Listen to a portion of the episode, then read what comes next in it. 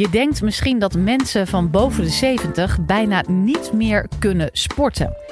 Maar ook ouderen zouden nog steeds moeten bewegen. In deze podcast hoor je van neuropsycholoog Erik Scherder van de Vrije Universiteit waarom.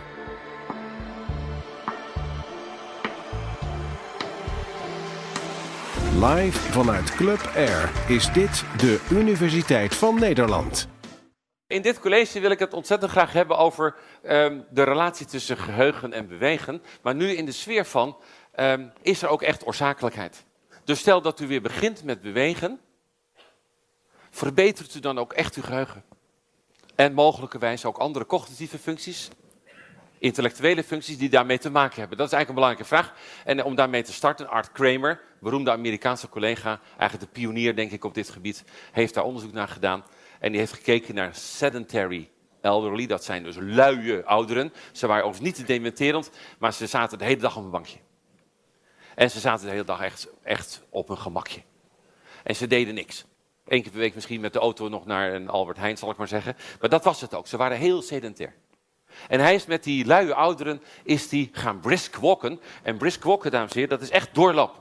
En u weet, binnen onze Nederlandse beweegnorm geldt dat daar ook. Het moet een inspanning zijn. Hij deed dat drie kwartier achter elkaar. Niet de hele dag, had niemand het overleefd. De gemiddelde leeftijd was 70 jaar. En, en, maar top, hè? Drie kwartier brisk walking.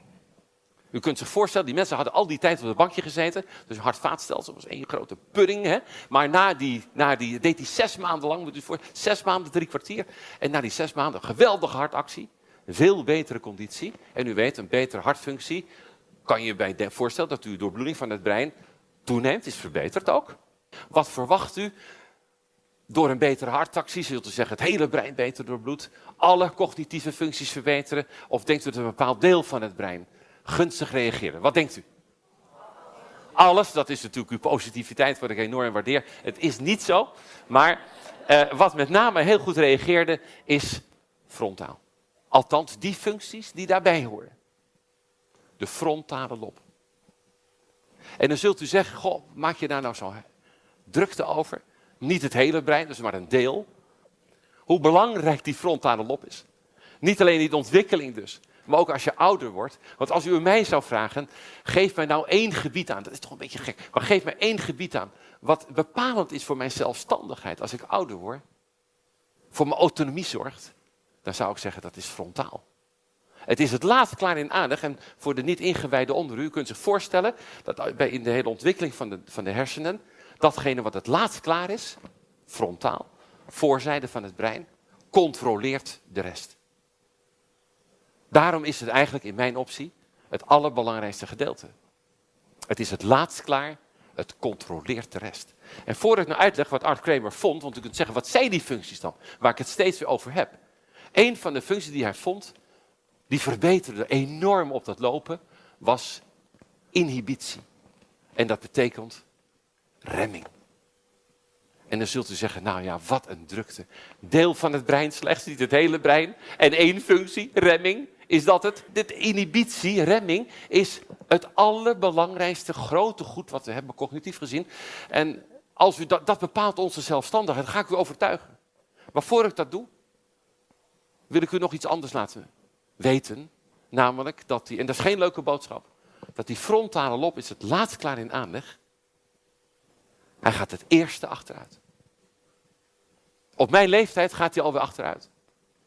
Hij gaat, hoe kan ik dat merken? Hoe kan ik merken dat mijn frontale lob achteruit? Dus hè, laatste klaar, eerst achteruit, last in, first out. Geldt voor over een aantal delen van het brein, maar ook voor frontaal. Wat ontzettend jammer is. Hoe kan ik het merken? Ik kan het merken omdat de frontale lob, ik ga u uitleggen wat inhibitie betekent, maar die is ook belangrijk dus voor initiatief nemen. Die is belangrijk voor motivatie. Maar u zult er dus tegenaan moeten, als u ouder wordt, bij mijn leeftijd, moet ik meer uitdaging zoeken. Ik moet meer dingen ondernemen dan vroeger. Anders gaat het achteruit. Art Kramer vond op, uh, op inhibitie het grote effect. Remming. Ik ga u overtuigen hoe essentieel remming is voor ons dagelijks functioneren. Remming voor geheugen. U heeft deze avond, ik schat u allemaal heel hoog in. Stel nou voor dat u, ik kan me niet indenken, dat u elk woord van mij zou willen onthouden. Dat kunt u niet. Want uw werkgeheugen, prachtige circuits, vanuit frontaal naar achteren, is beperkt. Dus wat doet u de hele avond? Onbewust. U remt af wat u niet belangrijk vindt. U inhibeert wat u niet belangrijk vindt. En daardoor kunt u zich focussen op wat u belangrijk vindt. En dat onthoudt u. Dus ik mag stellen, zonder remming geen geheugen. Dan moet u vanavond als u thuis komt een plezier doen. Eén minuutje scherder. En dan probeert u zich eens in te denken hoe het is voor iemand waarbij de frontale lob achteruit is gegaan. Het kan iemand zijn met een dementie, maar het kan ook iemand zijn na een auto-ongeval met een frontaal letsel. Ben ik helder? En dan moet u zich eens voorstellen dat voor die persoon alles in de omgeving even belangrijk is geworden. Dat die persoon niet meer kan zeggen, dat wel en dat niet. Wat denkt u dat er dan gebeurt in het brein van die persoon? Chaos, heel goed. Er ontstaat chaos, u wordt heel angstig, want u weet niet meer dat wel en dat niet. Ik kan angst bij mensen met een dementie op honderd manieren uitleggen. Dit is er één van. En dan kom ik op die psychogeriatrische afdeling van de verpleeghuizen. En ik heb grote liefde en respect voor de verzorging. Daar geen kwaad voor. De mensen doen geweldig hun best. Maar wat zie ik? Geen activiteit, maar inactiviteit. Dat is mijn beeld. Natuurlijk zijn er huizen die het goed doen. Een verpleeghuis, prachtig. Maar als u een beetje daaromheen kijkt, en ik kijk ook nog eens buiten Nederland, dan denk ik bij mezelf, wat een passiviteit. Terwijl juist activiteit, dat remmelt vermogen frontaal, heel erg zou kunnen aansturen. Voelt u met me mee wat ik bedoel, dames en heren?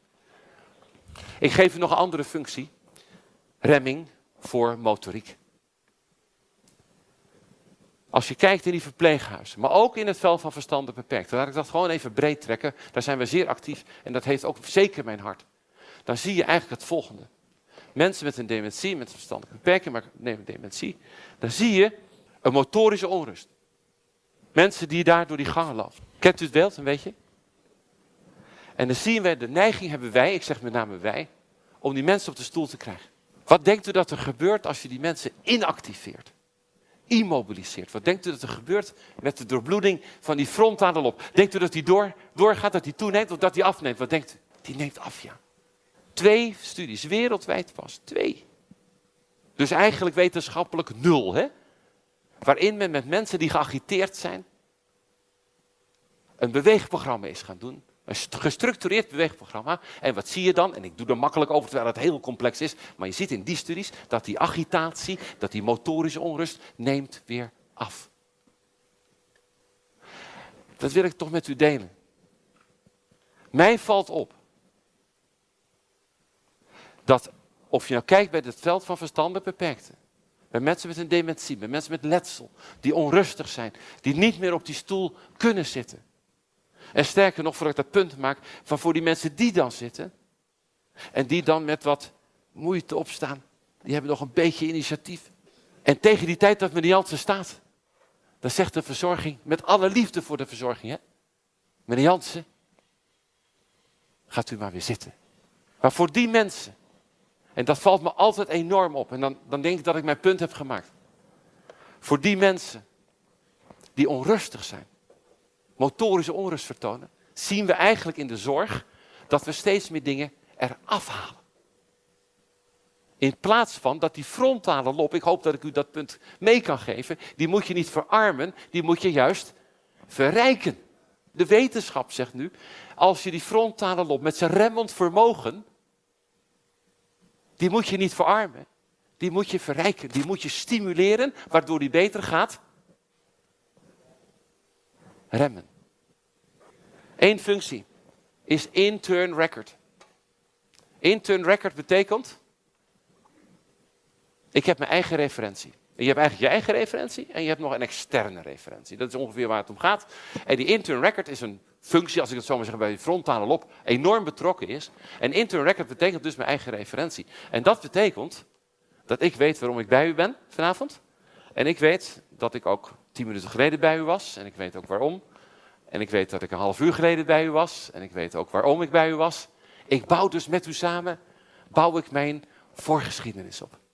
Ik bouw mijn historie op. En dat is enorm belangrijk voor mijn hier zijn, voor mijn hele functioneren hier vanavond. Dat is mijn intern record. Dan moet u vanavond, als u wil, nog een tweede minuutje scherper doen. En dan probeert u zich in te denken hoe het is voor iemand met een dysfunctie, frontaal. En dan probeert u zich eens in te voelen hoe het is op de psychogeriatrische afdeling. Dat is dat ik elke dag zie. Iemand komt naar mij toe, een mevrouw, en die zegt, hmm, wie bent u? U brengt mij toch wel naar huis, want ik woon hier niet. En dan neem ik die mevrouw mee aan mijn arm en dan zeg ik, nou, ik zal u laten zien naar uw kamer. Dan lopen we zo samen naar haar kamer en zeg kijk, mevrouw Hogendijk, dat bent u. Ja, ze, ja. Ze zullen we binnen even kijken naar de foto's van uw kinderen en kleinkinderen, want die staan daar. En dan lopen we samen naar binnen en dan kijken we naar die foto's. En zeg ik, kent u de kinderen en kleinkinderen? Ze zegt, ja, dat zijn ze. En dan laat ik haar daarachter, bijvoorbeeld, en ik loop weg. En dan komt ze achter me aangedreuteld. En dan zegt ze, hmm, wie bent u? U brengt mij toch wel naar huis. Want ik woon hier niet. Dan moet u zich eens indenken. Dat je om de twee minuten, drie minuten als u wil, uit een zwart gat komt. En zich de hele dag afvraagt, wie zijn die mensen hier? Wat doe ik hier? Ik wil naar huis toe. Passiviteit op die afdeling. Terwijl ik denk, als we bewegen met die mensen, dan zouden we in ieder geval een maximale poging doen om intern record en het inhibitievermogen zo groot mogelijk te. Wil je nou meer afleveringen van de Universiteit van Nederland horen? Check de hele playlist en ontdek het antwoord op vele andere vragen.